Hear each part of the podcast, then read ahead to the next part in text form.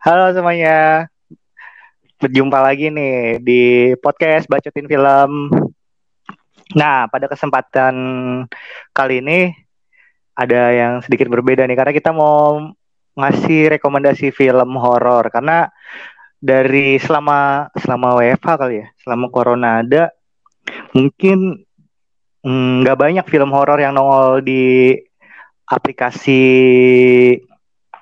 nonton film seperti Netflix, iFlix dan segala macam film horor baru ya. Mungkin yang nongol-nongol itu film horor yang udah pernah keluar di bioskop sebelumnya.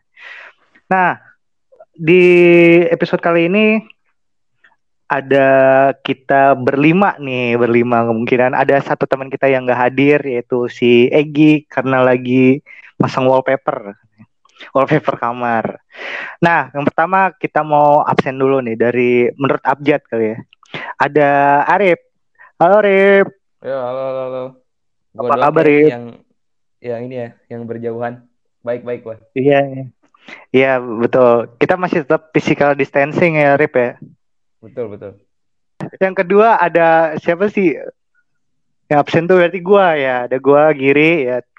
Terus Terus selanjutnya ada nih favorit dari netizen ada Nugi asal asal mana? Halo Gi, apa kabar? Halo. Baik Gi ya. Baik. Lu anjing jangan malu-maluin gua, gua bukan favorit netizen. Apa? Jangan malu-maluin gua. Karena banyak yang masuk nih komen-komen mana dong ada. nongolin Nugi gitu nongolin Nugi gitu baru gua mau dengerin gitu mang wah ternyata udah banyak fans ya nih ternyata ya, selanjutnya ada wanita satu-satunya. Oh, ya. Sekarang dia mau Ya, uh, sekarang kita ada uh, di grup podcast kita nih ada salah satu youtuber ya beauty vlogger beauty vlogger beauty enthusiast beauty semuanya diborong sama dia apa nama channel YouTube-nya gitu email Veriana nah itu bisa di follow eh bisa di subscribe kalau mau lihat uh, dandanan email Holberg yang mau seperti apa, nah lihat channel YouTube-nya email Veriana. Khusus yang hijaber ya. Ya kita sapa dulu ini belum disapa nih dari tadi kita Halo Mel, apa kabar Mel? Halo baik. Benar Mel, sekarang udah jadi beauty vlogger atau gimana? Udah. udah berapa lama? Oh ternyata malu. Dia malu ternyata. Nah ini ada salah satu lagi cowoknya kalau tadi ceweknya beauty vlogger, kalau cowoknya apa nih? Cowoknya aktivis. Mirip-mirip kayak Permadi. Wah, wow, mirip Permadi aktivis. Bercanda ya? ya. ya, ada Oco. Halo, Oco. Apa kabar, Oco? Halo. Ada pesanan demo apa nih dalam waktu dekat? Tukang setting demo aja.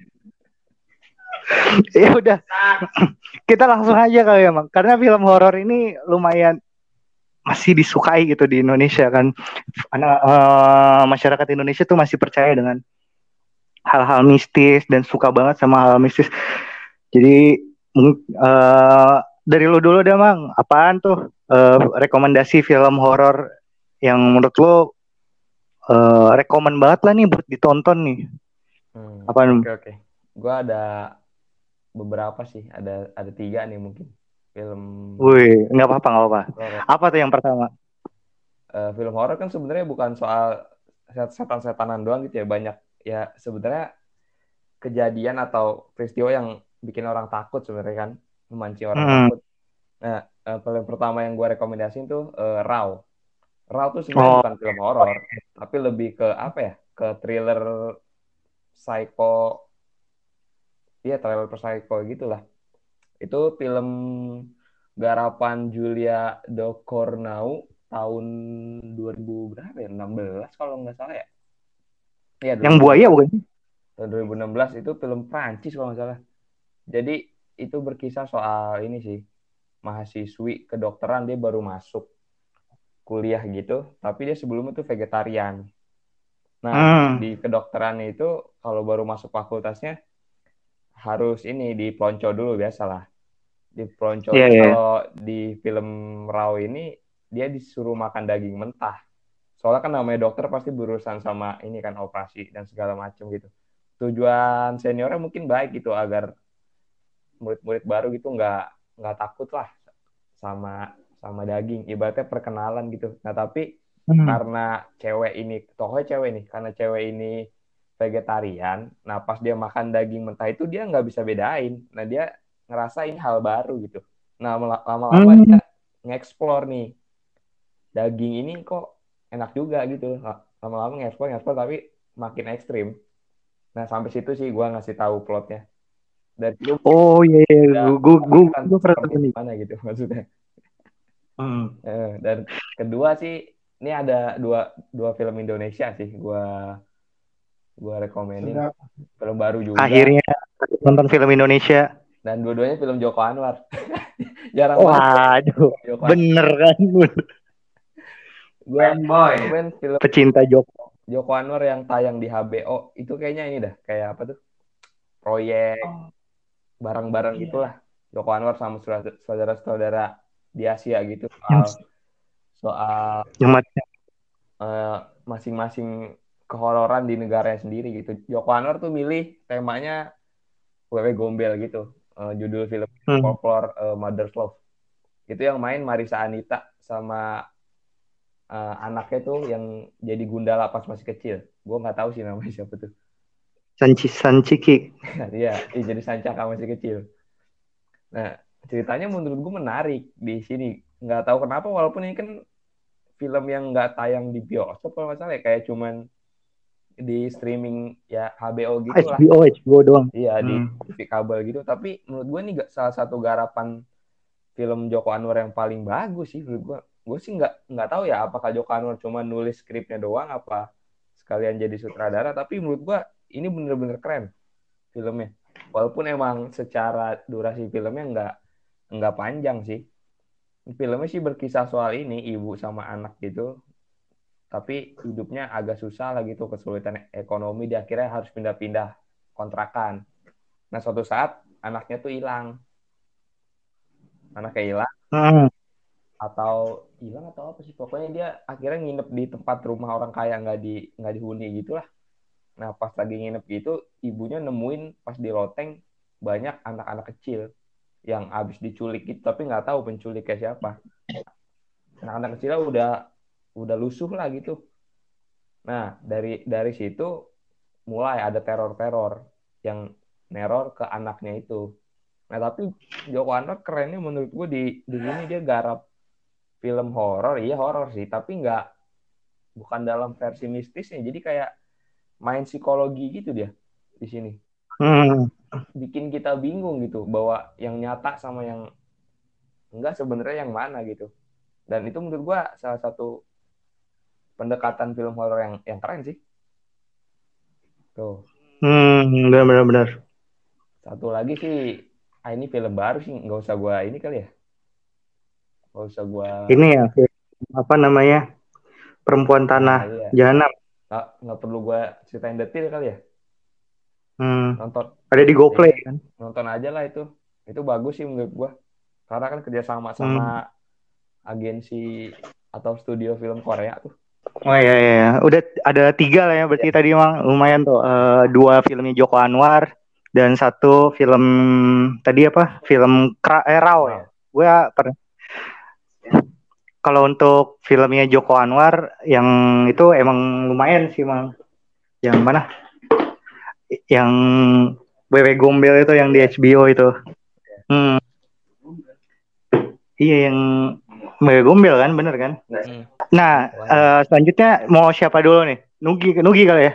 Eh dari belakang. Ucup, Ucup, Ucup dari tadi tuh udah nggak Ucup. sabar. Kasih gua rekomen, gua udah mau nih banyak banget gitu. Dia udah ada banyak mau eh, film Thailand, film ini udah punya semua nih. Ucup nih. Coba Oke, Cup, apa. Cup? Oke. Eh gua malam ini cuma mau ngasih satu rekomendasi aja sih, mau bahas soal satu film doang. Tapi karena lagi keinget sama film ini jadi makanya gue mau bahas genrenya tentang exorcism. Hmm. Jadi nama judul filmnya eh, The Exorcism of Emily Rose tahun 2005. Gue lupa nama sutradaranya, tapi yang pasti sutradaranya itu jadi sutradaranya Doctor Strange. Jadi sebenarnya ini film kalau di rating rendah di tapi jarang sih film horor yang ratingnya tinggi gitu. Kalau yang horor beneran horor yang ceritanya setan-setan ya. Itu emang Iya. kalau menurut gue sih agak agak jarang sih. Kalau paling hereditary yang gitu paling. sih ya jarang film horor Hmm. gede. Jadi ini film sebenarnya tentang eh, gimana ya? Tentang kalau ini agak spoiler sih. Jadi kayak ada perempuan muda namanya Emily, Emily Rose gitu kan. Terus dia suatu saat mengalami kejang-kejang, epilepsi dan segala macamnya kayak gitu. Terus di satu kesempatan orang tuanya memilih untuk menyembuhkannya itu dengan mendatangkan pendeta. Hmm. Jadi kesimpulannya dia itu adalah kerasukan roh gitu kan. Hmm, jadi dipanggil seorang pendeta, pendeta Katolik gitu kan. Siapa nama pendetanya gue juga lupa. Nah, setelah itu, setelah melakukan proses si pengusiran setan, Doi meninggal. Oh meninggal. meninggal. Di situlah polisi melakukan penyelidikan bahwa eh, orang tua dan pendetanya itu dianggap eh, terlibat pembunuhan dengan melakukan kelalaian yang menyebabkan orang lain meninggal dunia. Kurang lebih kayak gitulah pasalnya mungkin kalau di Indonesia ya. Hmm. Nah, di sinilah dia ceritanya dimulai. Jadi kayak sebenarnya pengadilan itu udah bilang bahwa ya udah lu pendeta ngakuin aja perbuatan lu kalau lu lalai terus ini hukuman akan diringankan. Karena kan dia kan prakteknya ini juga kalau nggak salah diketahui sama pihak gereja lah gitu kan. Jadi diutuslah sebuah seorang pengacara muda cewek namanya Erin untuk jadi penasihat hukumnya si pendeta ini Hmm. supaya eh ya udahlah kita deal deal aja gitu kayak udah ngaku aja gitu tapi si pendetanya nggak mau dia kekeh bahwa Emily ini emang kerasukan setan Oh. gitu kan dan yang membunuhnya itu ya setan itu gitu jadi kayak ada film ini memperdebatkan dua hal gitu loh kayak segi hukum yang basicnya ilmiah satu lagi orang religius basicnya ya immaterial gitu kan Mistik gitu ya. Uh, jadi kita punya dua pandangan gitu lah. Jadi sebenarnya menurut gue tokoh utamanya itu malah si Erin ini si pengacara ini. Dia orangnya agnostik atau lebih ke ateis mungkin ya. Terus di situlah dia mendengar cerita sebenarnya kayak mana sih Emily ini gitu gitulah. Oh ibaratnya kita dibawa ini ya ke dua sudut pandang nih gitu ya. Benar dua sudut pandang. Keren keren. Jadi terus si Erin ini dalam perjalanannya dia kayak ngerasa eh kok ada sesuatu yang beberapa hal yang kayak mistis datang kepada dia gitu kan. Hmm. Tapi untuk membuktikan bahwa eh, kan sebagai penasihat hukum kan lu pasti bawa apa kan bawa pakar ahli gitu kan untuk Iya. membantu klien lu gitu kan. Jadi dia itu bawa kayak antropolog lu bayangin antropolog tentang yang ngurusin masalah spiritual di seluruh negara gitu lah. Keren tuh antropolognya tokohnya di situ. Terus pada suatu saat dia tahu ternyata dalam proses pengusiran setan yang dilakukan pendeta itu ada seorang dokter juga gitu loh. Dan dokter ini ternyata kayaknya dalam tanda petik mengamini bahwa Emily ini ternyata bukan penyakit medis, tapi kayak sesuatu yang lain gitu ya. Mungkin setan beneran gitu. Hmm. Iya gitu. Jadi si dokternya ini punya rekaman di mana si Emily itu kesurupan. Jadi kesurupan dan itulah yang mau dijadikan barang bukti. Nah pas di diputer rekamannya itu itulah menurut gua salah satu scene terbaiknya ya. Jadi si Emily ini kalau pas ditanya sama pendetanya gitu kan waktu dalam proses eksorsisme ini ya kan what's your name? gitu kan what's your name? Dia selalu jawab one two three four five six one two three four five six. Tapi pakai bahasa bahasa yang lain gitu kayak bahasa bahasa Latin kadang bahasa Inggris kadang bahasa apa gitu kan. Iya, iya, iya. hingga pada saatnya sesuai dengan rekaman itu suara dia tuh jadi berubah gitu jadi berubah kayak laki-laki jadi jadi terakhir dia ngasih tahu kenapa dia bilang one two three four five six jadi enam itu ternyata enam nama setan yang ada di dalam diri dia gitu ada ada enam. Apa enam? ada enam itulah ada kayak bela apa ya Chain, Nero, Yudas dan lain-lain. Yang Hmm. terakhirnya itu ini keren banget sih. Dia bilang and I am Lu- Lucifer, the devil in the flesh gitu kan, in the flesh. Jadi ada enam termasuk Lucifer yang masuk ke dalam diri dia. Ngeri ngeri ngeri. Ini kisah kisah nyata apa gimana, Mang? Nah, ternyata ini diangkat dari kisah nyata seorang gadis Jerman. Gue lupa nama lengkapnya, tapi nama belakangnya Michelle gitu. Dan ini jadi kisah nyata. Dan di kisah nyatanya itu si orang tuanya emang dan pendetanya akhirnya dihukum atas itulah kesalahan berupa kelalaian yang menyebabkan orang lain meninggal dunia. Mungkin Ini di- diangkat dari nyata.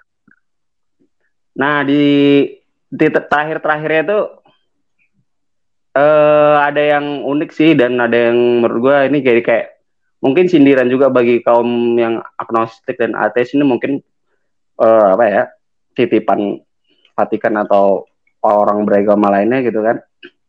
Jadi ada satu scene yang Emily-nya itu mimpi cuy, mimpi ketemu sama Bunda Maria. Oke. Terus di situ Bunda Maria itu kayak senyum sama dia, mengulurkan tangan. Di situ Emily nangis sekaligus senang gitu kan. Si Emily ini sebenarnya udah pengen mati, cuma dia nggak bisa mati karena setannya ini nggak mau ngelepasin dia gitu. Oh iya. Kalau mati kayak mungkin bener-bener ya tubuhnya kan udah nggak Ayo. pakai. Ah, ayo sekarang gitu. Tapi akhirnya si Emily memutuskan untuk enggak. Gue mau stay aja gitu. Gue belum mau pergi sekarang. Terus habis itu dia bangun dan dia menjelasin alasannya bahwa kenapa dia tetap belum mau mati sekarang. Jadi dia bilang gini, kalau memang orang-orang zaman sekarang ini nggak percaya akan Tuhan, maka kan gue tunjukin setan itu ada. Kurang lebih kayak gitu lah.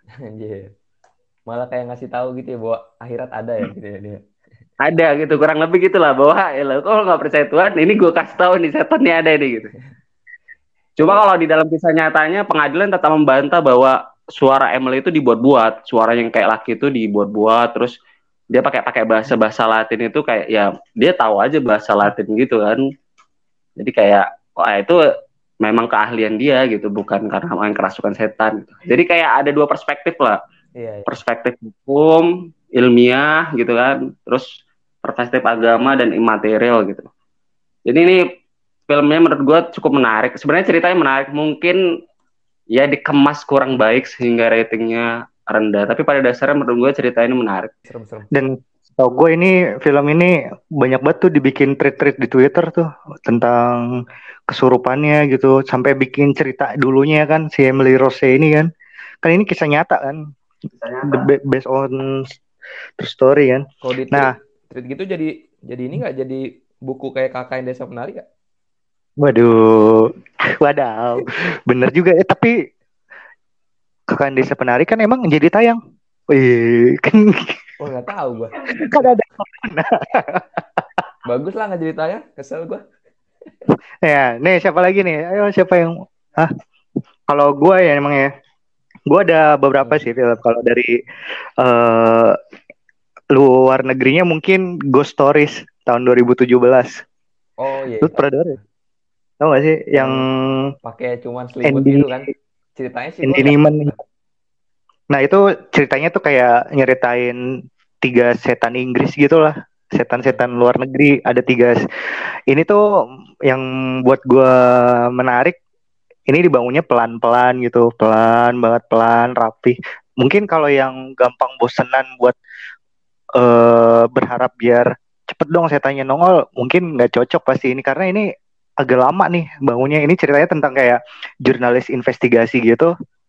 Hmm. Pengen tahu aja eh, kalau sebenarnya horor tuh apa eh, supranatural tuh nggak ada bohongan itu cuman cuman apa ya mindset aja doang gitu makanya terus dia datang ke salah satu paranormal lah tadi kayak Ki Joko Bodo gitu lah Hmm.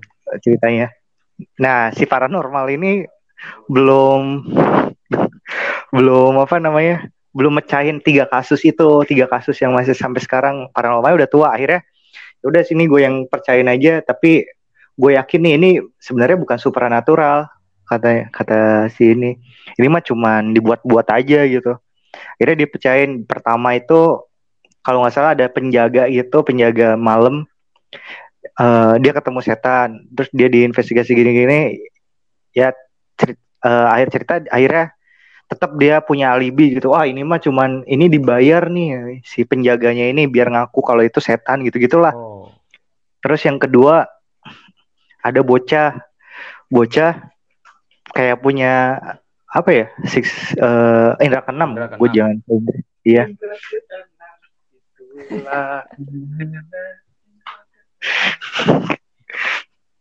Iya kayak indra keenam gitu. Terus akhirnya pas pertama kali dia datang udah mulai aneh tuh sikap si bocahnya itu. Akhirnya pas eh, puncaknya pas dia lagi naik mobil ditongolin tuh akhirnya. Ada setan gitu. Ada setan gitu kaget. Tapi tetap dia nggak percaya gitu nggak percaya nggak percaya kalau itu setan. Pokoknya ada aja alibinya nggak percaya gitu lah.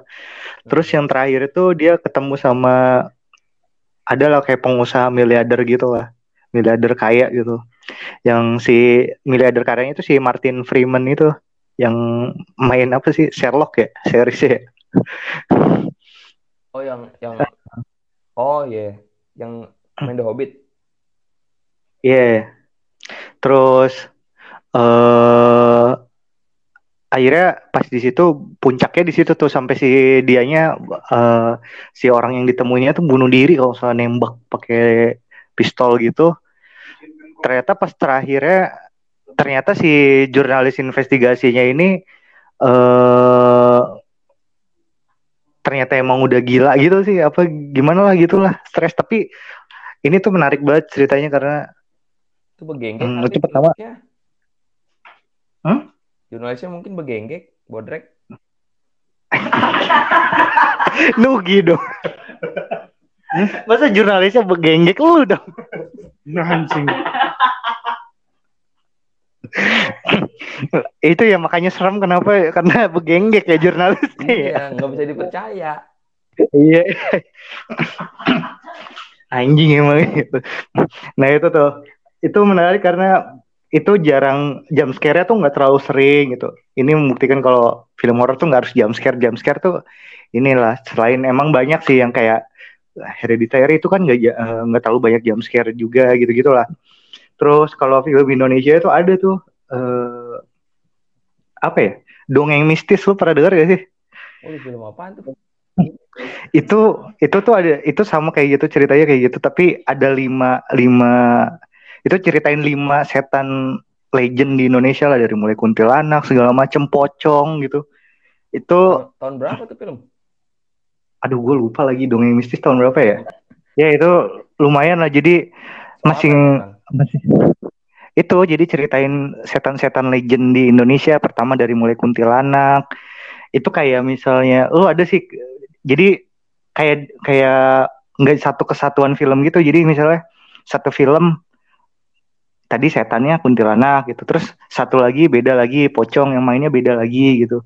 Terus satu lagi kayak ada leak gitu beda lagi yang mainnya gitu gitu loh. Oh, jadi eh, scene-scene yang emang nggak bersangkut paut sebenarnya. Iya, jadi cuman satu cerita satu cerita lah. Dan itu ada scene yang bias biasa terjadi lah di Indonesia. Kayak misalnya eh datang nih, set datang, misalnya gue misalnya ketemu Nugi kamar Nugi gitu, Hmm. gue ngobrol lama-lama, tiba-tiba di pintunya ada yang pin, dari pintunya kamar Nugi ada yang ngetok tok tok tok, pas Nugi lihat ternyata gue gitu, ngerti gak sih? Oh, jadi kayak Ternyata- ternyata gitu. gua apa- Ah, terus dia bingung kan eh ternyata kok giri ada dua yang mana yang bener ya pas dia pertama lihat ke kasur ke kok kasur ya? Nggak enak banget ya? Lihat ke kursi gitu. Guanya masih ada. Terus tapi pas dilihat ke pintu guanya masih ada. Pas ngelihat ke kasur lagi udah hilang udah di belakang gitu nggak lihat ya lumayan lah. Itu itu kan sering terjadi di urban legend kita kan. Iya, iya benar-benar. Oh, jadi mungkin kekuatan film ini dekat sama apa yang dialami orang Indonesia kali gitu ya. Tuh. Terus ada lagi yang pocong itu lumayan serem tuh. Jadi ada ustadz ceritanya. Us- ustadz yang bilang katanya nggak takut nggak takut pocong gitu, nggak takut pocong, tapi tiba-tiba pas lagi sholat ternyata ustadz juga bisa diganggu pocong gitu. Gitu-gitu kan serem tuh. Iya, iya, iya. Ya itulah rekomendasi dari film gue sebenarnya banyak sih kalau film ada tuh film-film pendek juga lumayan banyak. Kayak Makmum itu lumayan tuh film pendek yang pocong eh yang yang Makmum itu iya j- bukan yang film panjang yang sampah itu. Kalau film yang panjang itu sampah banget. Hmm, sa- sama inilah sama film tetap sih rumah darah sih yang kalau misalnya rumah. Udah itu aja kalau gua ya. Coba apa nih yang udah email email email email tadi udah nggak sabar juga nih email Kalau gue film baru sih eh Hereditary, sutradaranya Ari Aster. Eh itu tuh sebenarnya nggak film horor yang setan-setan gitu, itu lebih kayak ke sekte gitu. Nah, kenapa kayak menarik bagi gue tuh karena penonton yang nonton itu dibikin jadi dia tuh nggak ada jump scare-nya kan. Tapi eh penonton tuh dibikin depresi dengan misalnya kayak musik yang kayak sunyi gitu. Musik sunyi gitu, tapi ternyata abis kesunyian itu kan biasanya jump scare yang jedar jedar jedar jedar. Ternyata abis sunyi itu ya udah. Ya udah gitu. Terus kita kayak depresi kalau gue sih ngerasa kayak depresi sendiri gitu loh. Kayak aduh ini kenapa ya? Terus kayak yang waktu di awal-awal eh kayak eh oh ya gue nyeritain plotnya dulu deh. Jadi kayak dia keluarga nih di, tiba-tiba diteror setelah merasa diteror setelah eh, neneknya eh, itu tuh meninggal. Nah si ibunya yang si anaknya nenek itu tuh eh dia tuh tahu kalau si ibunya ini yang meninggal punya ritual-ritual aneh gitu loh sebelumnya tapi kayak rahasia gitu. Nah, sejak si neneknya meninggal itu keluarga itu mulailah ada teror-teror gitu. Jadi itu ada suami, istri sama dua anak, cewek sama cowok. Hmm. Yang cowoknya udah remaja, yang ceweknya masih kecil. Nah, terus eh tiba-tiba ya pokoknya mereka ada teror-teror gitu tapi terornya tuh nggak yang kayak setan, nggak nggak yang jump scare gitu kayak gimana ya? Ya misalnya kayak contohnya nih gue nyontohin kayak waktu ibunya baru malam baru meninggal banget hari itu, terus si ibunya itu ada di mana ngelihat eh, barang-barang neneknya, terus tiba-tiba kameranya itu ke ke sebuah tempat gitu. Terus tiba-tiba ada neneknya di situ berdiri, tapi itu nggak ada suara apa-apa, nggak ada suara jeder-jeder gitu, Oh. kayak cuman sunyi doang gitu. Tapi itu gue sampai ke bawah mimpi sih yang itu karena serem gitu, maksud gue kayak depresi aja gitu nonton itu. Terus kayak eh, ada satu khas gitu di Hereditary tuh yang suara kayak suara gitu. Nah Hmm. itu yang Iya tahu gue. itu juga bikin bikin depresi banget sih. Terus eh mungkin kalau plotnya diceritain tuh jadi kayak spoiler gitu ya. Jadi kalau gue sih lebih mau ngejelasin kayak eh ya itu dia eh, si Ari Aster tuh lebih main ke cahaya, tiba-tiba gelap banget, tiba-tiba terang banget, tiba-tiba berisik banget atau bisa tiba-tiba tuh sunyi nggak ada lagu nggak ada lagu sama sekali gitu. Iya iya, jadi dia mainin pikiran kita gitu loh. Jadi nggak nggak harus yang kayak ya biasa kan gitu kan kita udah terbiasa nonton film horor tuh kalau misalnya sunyi gitu, pasti nanti tiba-tiba ada wah kayak gitu kan. Iya. Tapi di Gitari jangan harap ada kayak gitu, nggak akan mungkin gitu. Walaupun adegan kesurupannya pun tuh nggak yang kayak film-film kayak exorcism gitu loh, kayak ya udah tiba-tiba anaknya lagi di tungku api gitu, terus kameranya tuh nge-zoom out, terus di belakang tiba-tiba ibunya tuh udah manjat gitu, manjat ke tembok, tapi itu nggak ada musik-musik, nggak ada musik-musik kayak jedar jedar gitu nggak ada. Ya udah tapi itu kayak filmnya lebih ke sekte-sekte gitu sih. Dan menurut gua film-film sekte itu kayak lebih menakutkan karena kan ya sekte itu kan dilakukan oleh manusia gitu kan untuk manggil setan Iya. atau apa pun kayak gitu. Dan itu pasti ada dan terjadi sekarang gitu loh yang beneran gitu kan pasti ada kan orang yang melakukan hal-hal itu kayak gitu. Dan bukan Ari Aster kalau terakhirnya dia nggak ada plot twist yang orang-orang oh ternyata gini gitu. Tapi nggak ketebak sama sekali Iya. gitu. Hebatnya ya sih, itu juga Ini film pertamanya, film layar lebar pertama Ari Aster kan? Sebelumnya cuma bikin benar film-film yang pendek. pertama Ari Aster yang sangat berhasil Ya nggak sih?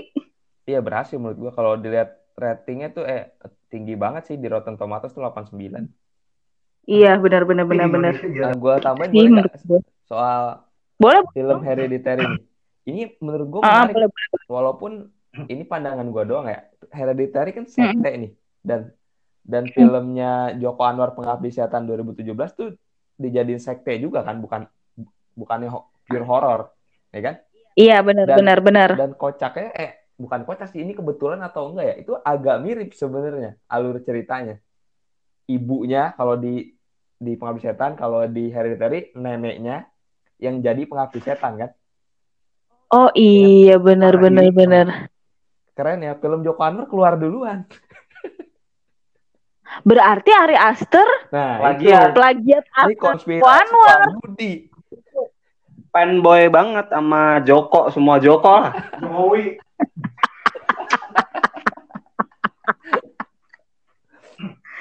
Jangan gitu Baginda. gue takut Oh ini ini kayak ini ya unpopular opinion gitu ya Rip ya. iya keduluan keduluan Joko Anwar gue bingung nih Aduh jangan-jangan Ari Aster sebenarnya Joko Anwar ini ya terinspirasi dari Joko Anwar ya. bisa jadi sih Bener juga. keren banget sih Joko itu Iya. Keren banget emang si Joko nih. Gue balikin ke Giri. Tapi mah mungkin kalau di luar negeri kan ngantri film buat masuk bioskopnya tuh lama gitu, oh Mang. iya ya bisa bisa bisa Jadi kalau di Indonesia kan lebih dulu apalagi kan wah seorang Joko gitu. Pasti dapat karpet merah lah. iya juga betul betul. Nah ini nih. Kita yang paling biasanya tuh yang terakhir tuh wah pasti rekomendasinya filmnya pasti paling bagus gitu kan. Dan wah udah pasti sangat terpercaya dan paling serem nih gue yakin banget. Dan ini pasti pasti nggak mungkin dong sama dengan halayak semuanya. Pasti yang film aneh dan belum pernah ditonton gitu kan nih Targo istri. MC-nya banyak ngomong gaplok nih. apa lu film apa diperkosa setan atau apa Bayi ajaib. Enggak, enggak, enggak. Eh kalau dibilang Ari Aster, wah iyalah gue I'm a big fans of Ari Aster. Pastilah, itu udah pasti. Tapi ada sih beberapa film sebenarnya sekte-sekte kayak gitu jauh sebelum film-filmnya Ari Aster booming bagi para pendengar ya. Ada juga dulu tuh filmnya Stephen King, gue lupa lagi ya. Namanya itu filmnya Children of the Corn. tahun berapa Gue nggak tahu itu film tahun 80-an deh kalau nggak salah. Children of the Corn, coba ya kita cek. Jadi sebenarnya Children of the Corn ini unik memang sektenya itu eh, ada emang ada hantu ada ada setannya tapi nggak setannya tuh nanti di akhir. Jadi intinya memang ada sekumpulan anak-anak di di ko- sebuah kota namanya kota Gatlin. Itu kotanya agak terpencil di Amerika. Jadi si anak-anak itu punya suatu, punya satu orang pemimpin orangnya rada cebol gitu kayak bocah namanya Isaac apa ada cebong cebol bukan cebong nah si anak-anak ini dia dia uh, banyak anak anggotanya semua anak-anak dan mereka itu sangat membenci orang-orang dewasa. Jadi ada orang dewasa atau orang-orang yang menentang si anak-anak itu itu tuh langsung dibunuh. Nah itu tuh buat gue sih itu film Stephen King itu sutradara Stephen King. Dan lo tahu sendiri lah Stephen King itu ya meskipun mungkin udah nggak sejaya sekarang. Udah nggak sejaya dulu sorry maksud gue udah nggak sejaya dulu. Tapi ya tetap patut diakui sebagai salah satu sutradara film-film horor yang oke lah ya di Amerika pada sa- pada sa- pada masanya. Kalau kalau gue sih yang mem- yang membekas itu Children of the Corn itu kayaknya film tahun 80 berapa ya? Aduh, udah- nama pemain filmnya juga Linda Hamilton yang udah-udah jadul banget lah. Nah itu itu buat gue itu sangat membekas. Jadi dia tuh sekte sesat, ada ada kayak salib-salipannya gitu, tapi ya itu melenceng lah gitu, melenceng. salib sesat Bukan, jadi Kristen tapi sesat gitu loh. Kristen tapi sesat. Oh. Tapi pada akhirnya si Kristen pemimpinnya akhirnya bisa. Kenapa? Chris John kali itu bukan Kristen Waduh, ini Anda mulai bermain-main. Nanti di band ya kita. lanjut lah Kristen bukan Chris John. itu. Terus tadi gue juga ingat tuh pernah nonton sama Giri. Itu film baru sih 2019 namanya uh, Scary Stories to Tell in the Dark. Nah iya itu sutradaranya Andre Ofredal. Itu tadi berapa ya Gil? Uh, rate rate-nya? Gue lupa 8 berapa gitu. Delapan. 8 apa 7 ya? Tujuh. Untuk film horor tujuh kayaknya 78 oke Rotten 78 kalau nggak salah itu oke lah untuk sebuah film horor. Jadi cerita tentang di sebuah kota kecil Mill Valley ada sekelompok remaja gitu kan. Dia tuh terus masuk ke sebuah rumah yang ya disebut mengerikan lah sama warga sekitar gitu kan. Nah, terus uh, pa- uh, di dalam rumah itu tuh mereka kayak ada sebuah buku catatan, terus buku itu akhirnya ya pada akhirnya lah yang memberikan teror itu kepada anak-anak tersebut yang membukanya gitu. Karena di buku itu diceritakan bahwa eh, anak-anak itu tuh akan mengalami hal-hal yang seperti dialami pada masa lalu gitu. Dan itu tuh sebenarnya memang filmnya dibilang serem banget enggak tapi setannya asli creepy creepy semua ya. Ada yang setan yang gendut basah gitu di lorong tau gak lu? Panda tidur gendut basah. panda. Iya kayak gitu. Panda tapi banyak kayak sapi gelonggongan. Jadi panda gelonggongan. Biasanya kan, ini ya terbang gitu nyamperin gitu kan mang. Ini tuh jalannya pelan pelan lu lari lari tetap ketemu gitu. Iya itu tuh jadi kayak film horor ada setannya tapi itu kayak campur halusinasinya juga gitu ya. Hmm. jadi di buku itu tuh ntar misalnya eh, lu nih mal di bukunya tulis nih diceritain. Misalnya Arif eh, lagi podcastan gitu. Abis podcastan ntar denger suara ngetok-ngetok pintu pas dibuka ternyata ini gitu-gitu Hmm, loh mang iya. Terus itu jadi kenyataan gitu. Iya kayak gitu. Itu juga lumayan keren sih. Keren keren. dan itu eh, adaptasi dari novel karangannya Alvin Squad sama Stephen Gemmell. Nah, itu. Jadi durasi filmnya 120 menit. Nah, itu dicoba ya. karena da- berdasarkan rating oke lah 78 ya di Rotten ya. Hmm. Itu sih mungkin paparan singkat gue. Nah, kalau dari Indonesia gue sih jujur pernah tuh eh masih terngiang-ngiang tuh Jelangkung. Wah, yang, yang Jelangkung yang pertama. ya? Jelangkung per- jadi menurut Iya, gue Feni, Jelangkung ini Iya, Jelangkung yang sutradanya Jose Purnomo. Sebelum Yang pemainnya itu Wingky Wiryawan, Roni Dozer, Hari Panca sebelum sebelum jadi host dunia lain. Nah, itu mulai terkenal tuh.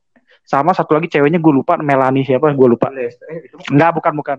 Nah, jadi itu menurut gue Jelangkung itu salah satu film horor yang mulai meningkatkan film horor di Indonesia lah. Dari situ baru mulai itu kayak film-film apa mungkin produser atau PHP lain bikin film horor kayak Kayaknya begitu. yang naikin Purnomo Iya iya itu yang naikin Jose Purnomo juga. Emang habis seremnya itu filmnya kenapa bang seremnya? Seremnya jadi menurut gue sih secara efek menurut gue nggak berlebihan. Jadi kayak menurut gue masih bisa masuk di akal dan pemahaman gue gitu. Dan satu lagi eh kisahnya kuat gitu. Jadi eh dia main jelangkung dan ternyata yang dipanggil itu arwah seorang anak kecil dari kampung mana namanya Turah sama Tiroh ya gue inget banget deh. Iya yang kayak dari Garut. ya pokoknya oh, dari desa Angker Batu gue inget banget. Nah itu tuh menurut gue itu eh, bikin bikin terngiang-ngiang lah gue sampai bela-belain sama kakak gue dulu nonton bioskop. Enggak lah. Nah dan itu tuh waktu itu production house-nya kalau nggak salah Trans TV. Jadi Trans TV awal-awal muncul, terus dia bikin apa ya ya karya-karya yang bagus gitu. kita kayak main-main jelangkung waktu masih kecil gara-gara film itu terus jadi viral semua. Terus gue sebagai anak kecil juga kayak sama temen-temen eh main jelangkung yuk. Sosok pakai sapu lidi apa pensil. Wah pokoknya itu ini sih viral banget sih.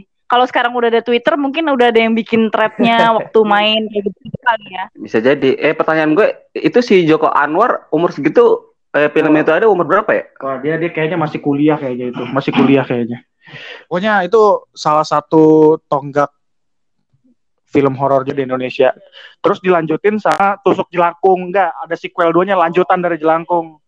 Yang pemainnya tuh Samuel Rizal, Iqbal Rizanta, terus siapa lagi gue lupa lah banyak. Harry Panca udah Nah nggak itu ada? juga lebih serem tuh. Harry Panca udah nggak ada? Udah nggak ada. Jadi di, di film itu diceritakan di film lanjutannya bahwa Hari Panca, Winky, terus si Ronnie Dozer sama si cewek yang berempat itu tuh hilang udah Oh. meninggal gitu. Nah, akhirnya ya udah tuh mereka akhirnya dengan tokoh baru lagi lebih banyak dan itu lebih rumit dan akhirnya terungkap tuh sebenarnya si hantu di balik jelangkungnya si Turah Tiroh itu siapa dan bagaimana bisa kejadian gitu kan. Oh iya ada Thomas Nawilis ya. Iya. Nah, di bag- Ah. bagusnya itu jadi pada saat itu tuh masih ada kayak komedinya tapi komedinya tuh nggak komedi yang Nora gitu. Iya, iya. Lino juga. Ada. Itu Dude Herlino tuh diangkat gara-gara film dia sukses di sini ada setan makanya ada Dude Herlino ada Thomas Nawilis di sini ada setan waktu itu booming banget. Iya sih. Khusus Jelangkung Ada, ada lagi. iya nah makanya di hire tuh gara-gara di sini ada setan tuh booming di SCTV itu. Oh. Tapi itu kayaknya sutradaranya bukan Jose Purnomo lagi. Gue lupa lagi deh siapa itu.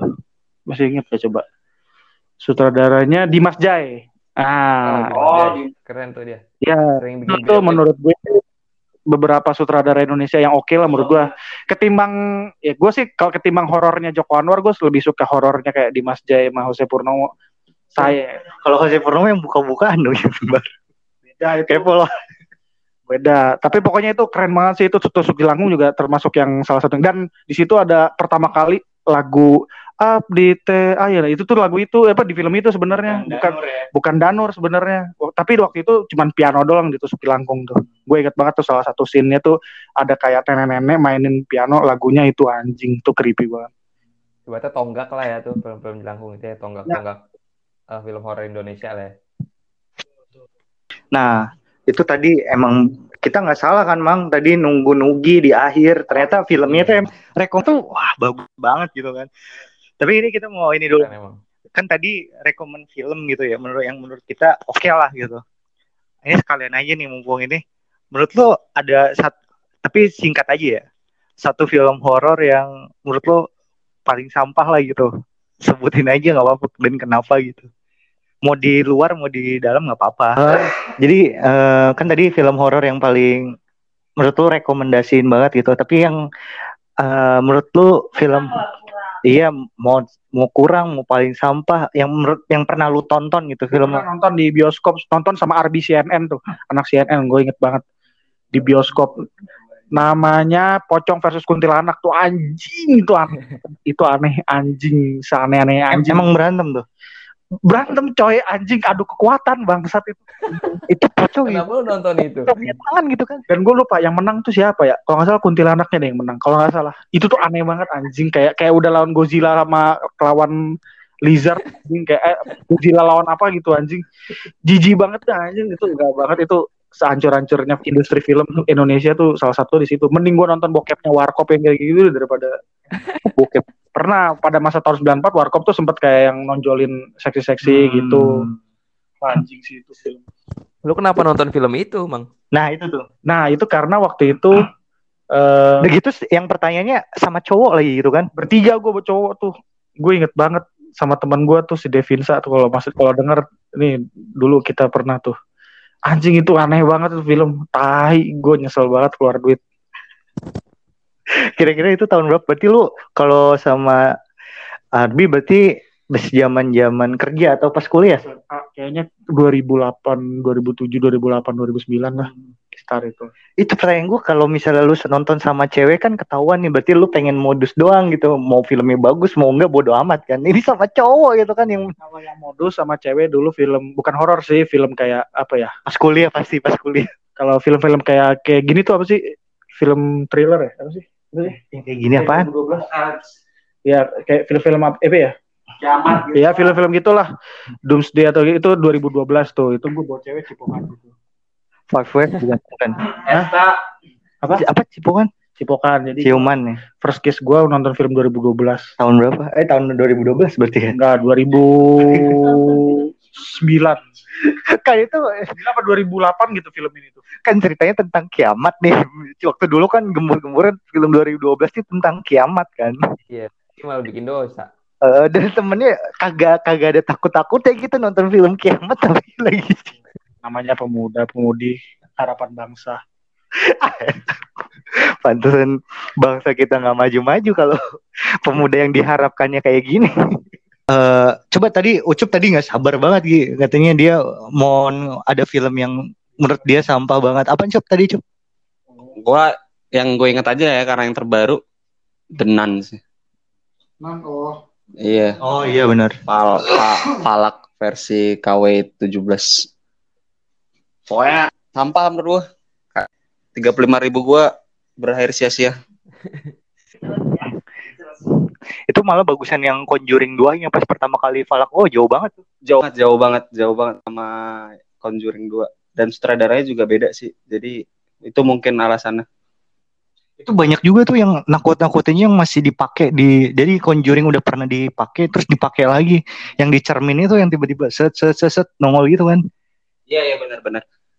Yang scene terakhirnya sih yang paling paling bapuk yang apa namanya yang bukan yang uh, air sucinya disemprotin gitu pokoknya aneh banget lah pokoknya aneh menurut gue Maksal ibaratnya ya. Nonton situ. ceritanya nggak menarik cuma ya jam scare jam scare doang gitu Origin Falak. kan palak itu ya? harusnya sih falaknya sih sosoknya sih harusnya sih bagus ya cuma ceritanya kacau banget menurut gue ya. Hmm. Eh, nah, email dulu email, email, email. Gua kalau yang terbaru tiga tahun terakhir ini ya, jelas Munafik 2. gue sepanjang nonton tuh ketawa. Gue nonton sama Ucup kan. Iya itu ya Allah ketawa ngakak sepanjang film tuh sampai kayak mungkin orang lain tuh kayak nggak ngakak yang kenceng gitu sih. Tapi kayak ya Allah kenapa? Itu benar-benar jedar jedar jedar jedar terus setannya diliatin dong. Film horor tuh kalau udah setannya diliatin jelas-jelas gitu udah nggak horor namanya. Nggak nggak horor. Terus apa ya itu apa sih yang sekte-sektenya malah pakai kerudung-kerudung hitam Iya si bopak bopak yang main jadi penjahat penjahatnya mirip banget sama Bopak Itu film Malaysia. iya maksudnya Film Malaysia. bopak aja udah ketawa kan tapi dia jadi penjahat baru coba Malaysia itu bang. jadi itu kayak nah terus di belakang kita kan yang nonton kayak adalah ya kayak cowok-cowok gitu. Mereka tuh pada ketakutan. Gue heran ketakutannya dari mana. Gue nggak bisa jelasin. Mohon maaf banget nih ya karena sepanjang film bener-bener 90 menit kalau nggak salah itu gue ketawa ketawa kayak udah berisik banget. Jadi lu bayangin ya orang dialog ngomongnya kenceng marah-marah terus musiknya audionya tuh juga eh, kenceng gitu. Jadi kayak film sinetron yang baru kayak punya budgetnya kecil gitu loh yang kayak jeng dak, bak, bla, bla, bla, kayak gitu-gitu wah itu gua ngakak banget sih sorry banget nih untuk munafik 2 tapi itu Lu ini Kacau. hubungan Indonesia Malaysia lu. oh iya ya ya udahlah skip Parah lu. Maaf ini kawan-kawan negeri jiran bukannya gimana tapi emang aduh kalian nih please dong kalau bikin film. Munafik pertama tapi lumayan sih. Untuk zaman sekarang gitu maksudnya yang udah film banyak referensi gitu terus eh, dia punya punya referensi banyak pertama sekarang-sekarang ya. Terus kedua eh itu film udah ditayangin di bioskop kan otomatis budgetnya ada gitu loh. Jadi kenapa sih nggak bikin sesuatu yang lebih baik aja gitu loh? Kayak itu udah jalan ceritanya gue nggak ngerti gimana. Terus semuanya jeder-jeder. Terus kayak gini loh apa setan yang pakai mukena itu tuh diulang-ulang gitu. Lo tau gak sih kalau hal setan udah diliatin dan diulang-ulang terus tuh udah nggak serem menurut gua gitu. Jadi ya ya udahlah gitu ya. Tapi gue pengen tahu sebenarnya kan sutradara-sutradara itu orang-orang yang pinter ya? Harusnya Dengan- harusnya. background pendidikan yang bagus lah harusnya. gitu kan. Mungkin pergaulan mereka juga bagus referensi mereka oke.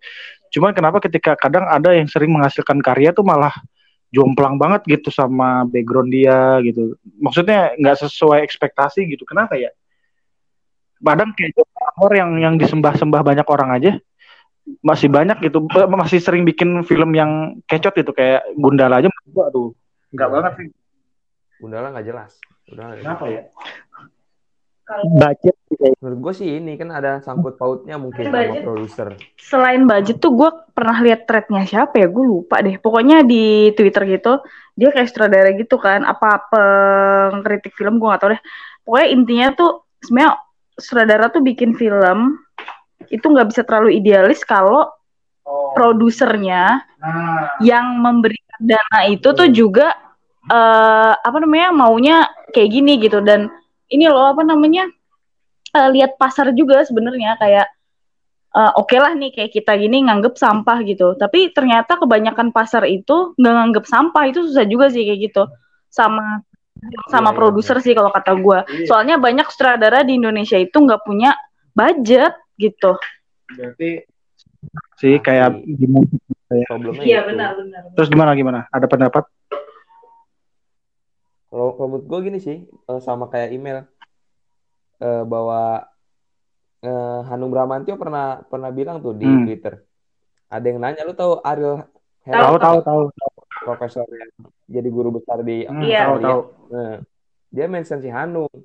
Hanung, kenapa sih film lu tuh setelah ayat-ayat cinta kok turun kualitasnya maksudnya gitu. Bumi manusia aja menurut dia tuh ini film nggak nggak jelas, nggak nggak gambarin eh, isi bukunya Pramudia Hmm. Anantatur lah gitu. Nah, Hanung akhirnya bilang, iya film film gue yang bagus, ya beneran emang gue gue bikin berkualitas, tapi lihat dong yang nonton ada nggak? Hanung bilang gitu. Terus eh, dia bandingin sama film-film gue yang sekarang kata Hanung, itu malah banyak yang nonton.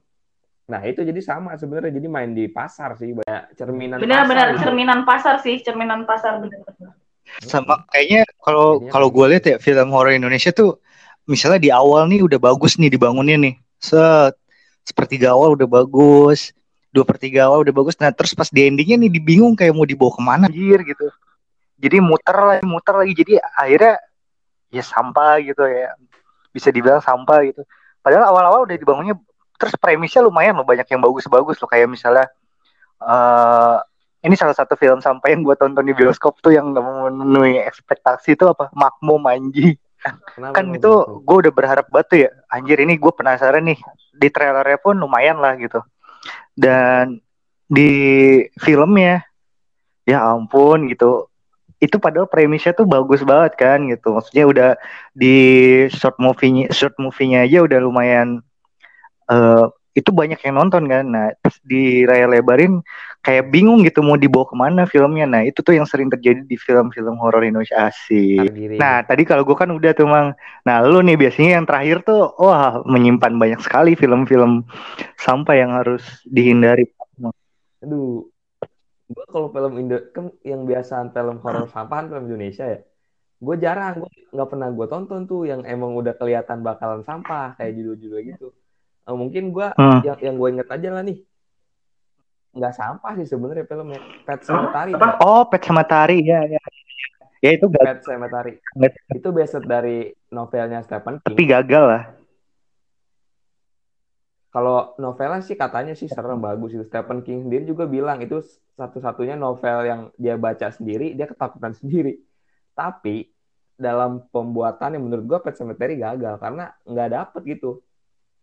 Kisahnya soal ini kan ku- eh, apa tuh orang tua yang anaknya meninggal tapi dia mau hidupin lagi. Jadi kayak ada satu satu lembah atau atau bukit ajaib lah gitu bisa bisa ngidupin makhluk hidup lagi. Tapi pas pas hidup tuh udah udah bukan udah Hmm. bukan orang yang dulu gitu. Ibaratnya ya jadi kayak zombie gitulah. Nah tapi menurut gue penggambarannya nggak nggak dapet. Gue sama sekali nggak ketakutan gitu nggak serem sama sekali menurut gue kan film horor ya garis garis besar atau benang merahnya harus buat penonton ketakutan kalau penonton ketakutan ya udah gagal menurut gue sebagus apa pun Hmm. Benar sih, emang intinya kalau horor tuh gimana caranya kita eh, bisa penonton tuh bisa bik- dibikin takut kan gitu kan. Mau gimana pun Iya. Tapi biasanya kalau orang yang penonton tuh kalau dibikin takut tuh bi- biasanya harus realistis biasanya. Misalnya kayak kayak yang eh film apa tadi yang kata lu sampah apa tadi? Pocong versus kuntilanak. Nah, iya itu kan anjir, kita malah pengen nonton gitu ngeliat pocong sama kuntilanak berantem kan ya. Bukannya malah takut bener sih. Sekarang ya. Gitulah gitu-gitulah gitu. Jadi ini buat masih PR ya. Terus ada lagi yang mau ditambahin yang Satu lagi kenapa apa Iya sih kalau gue. film horor tuh ada yang ya buruk gitu ya. Ya kita harus ingat kalau produser itu bisnismen gitu loh. Ya dia pasti ngelihat pasar, ngelihat apa perilaku masyarakat kayak gimana, ngelihat yang paling banyak ditonton kayak gimana gitu. Walaupun yang menghujat itu banyak, Hmm. tapi kalau engagementnya tinggi, ya namanya bisnismen ya lebih baik dia pakai yang ting yang yang bakal diomongin masyarakat gitu nggak sih kan soalnya kan masyarakat Indonesia kebiasaan gitu kayak yang jelek tuh pasti diomongin gitu kan. Iya. Nah itu kan sebenarnya eh bisnis gitu loh buat si produsernya gitu. Dan sayangnya ya balik lagi sutradara di Indonesia tuh nggak punya budget yang gede gitu, masih mengandalkan banget produser gitu. Ini kalau di indikator indikatornya kesuksesan pasar, pengabdi setan berhasil banget ya. Pengabdi setan berhasil. Rumah rumah di rumah tua. Lu berhasil walaupun secara level Iya. Iya, ya itu juga karena eh apa waktu promosinya itu ya banyak banyak ya misalnya contoh Iya. kayak si Joko Anwar datang ke Tonight Show terus nyeritain bahwa si loncengnya yang dia pakai itu tuh sebenarnya udah lonceng 100 Iya. tahun. Ya orang suka kayak gitu loh, kayak Gimik-gimik ya gitu gimmick lah gitu. Maksudnya kayak ya nggak tahu gimmick, nggak tahu beneran ya, tapi kita kita kita, kita tuh suka banget gitu yang kayak oh, ah 100 tahun gitu. Itu gimana ya kayak gitu itu pasti ada yang ngisi tuh, pasti ada aja yang Iya. ngomongin gitu. Nah, bagus Pem- pengabdi setan tuh bag- ini dia menang apa di soundtracknya juga bagus. Maksudnya enggak gua nggak bagus, tapi maksudnya membekas di mata di masyarakat soundtracknya. Iya benar. Dan ini yang selalu promosi film horor Indonesia tuh Hmm. pasti kayak gini. Pemerannya tuh ngakunya gue ya selama selama selama betul, selama betul. syuting gue diganggu nih. Nah itu tuh biasanya suka dipakai tuh Nah, iya. sama film. Atau enggak yang Iya, ini iya. filmnya Risa Saraswati yang apa tuh? Danur apa apa yang tiga bukan bukan anjing. itu tuh yang ini loh yang apa tiga kursi di depan bioskop tuh dikosongin dan ada melatinya. Itu karena ada si Peter siapa siapa tuh duduk di situ. Itu orang Indonesia suka banget lah itu. iya. Terus kayak masuk bioskop terus kayak iya tadi gua masuk bioskop tuh udah bau melati. Terus emang di tempat yang itu tuh kayak horor banget gitu. Padahal enggak juga. Bukan Peter itu Peter Gonta itu. Nah itu tuh. Tapi nggak bisa dibilang susah sih kalau eh, analogiin gimana sih suksesnya film Indonesia tuh baru berdasarkan penonton gitu. Beda sama film luar yang eh, kalau ukuran sukses film luar kan Eh. lu ngeluarin duit sama lu pendapatannya itu lebih besar gitu kan. Be- eh, maksudnya untung itu baru itu film dibilang sukses gitu kan. Kayak Avenger, dia ngeluarin duit banyak tapi dia pendapatannya juga tinggi, berarti itu sukses kan. Eh, nah kalau di Indonesia kan cuman asal dia tembus 2 juta penonton misalnya itu dibilang sukses Danur aja sejuta penonton dibilang sukses dong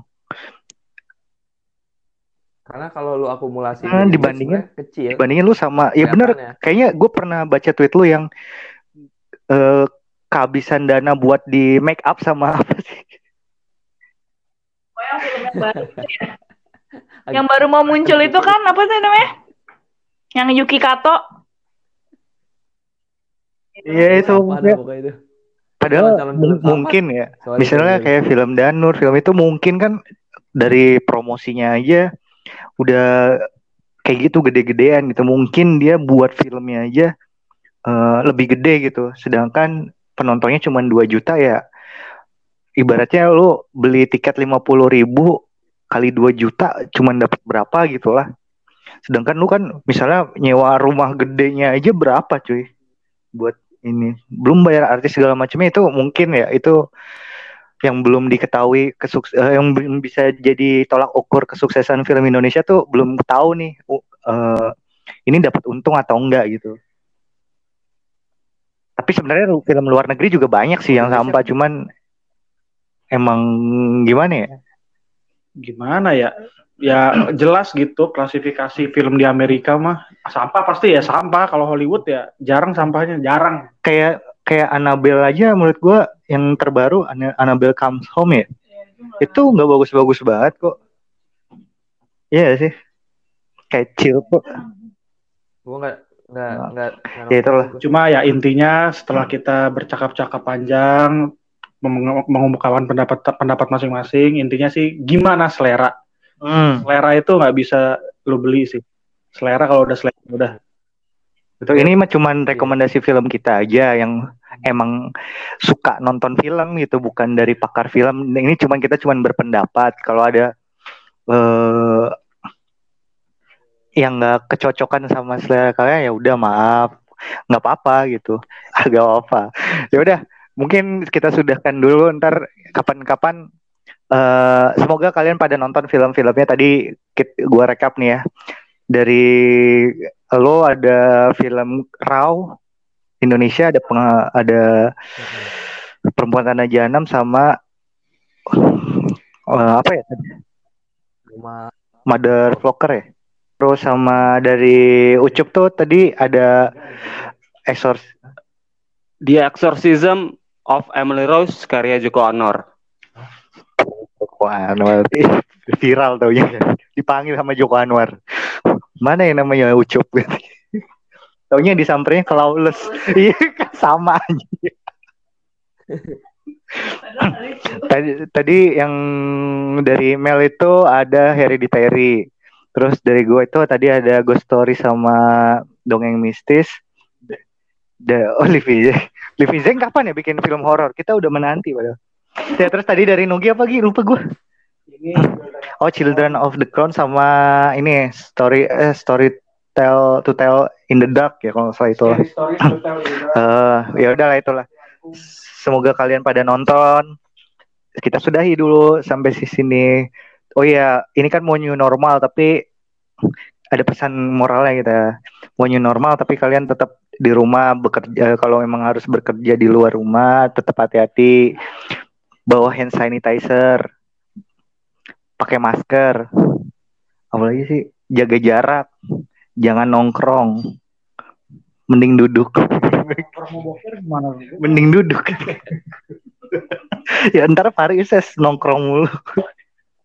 Ya udah gitu dulu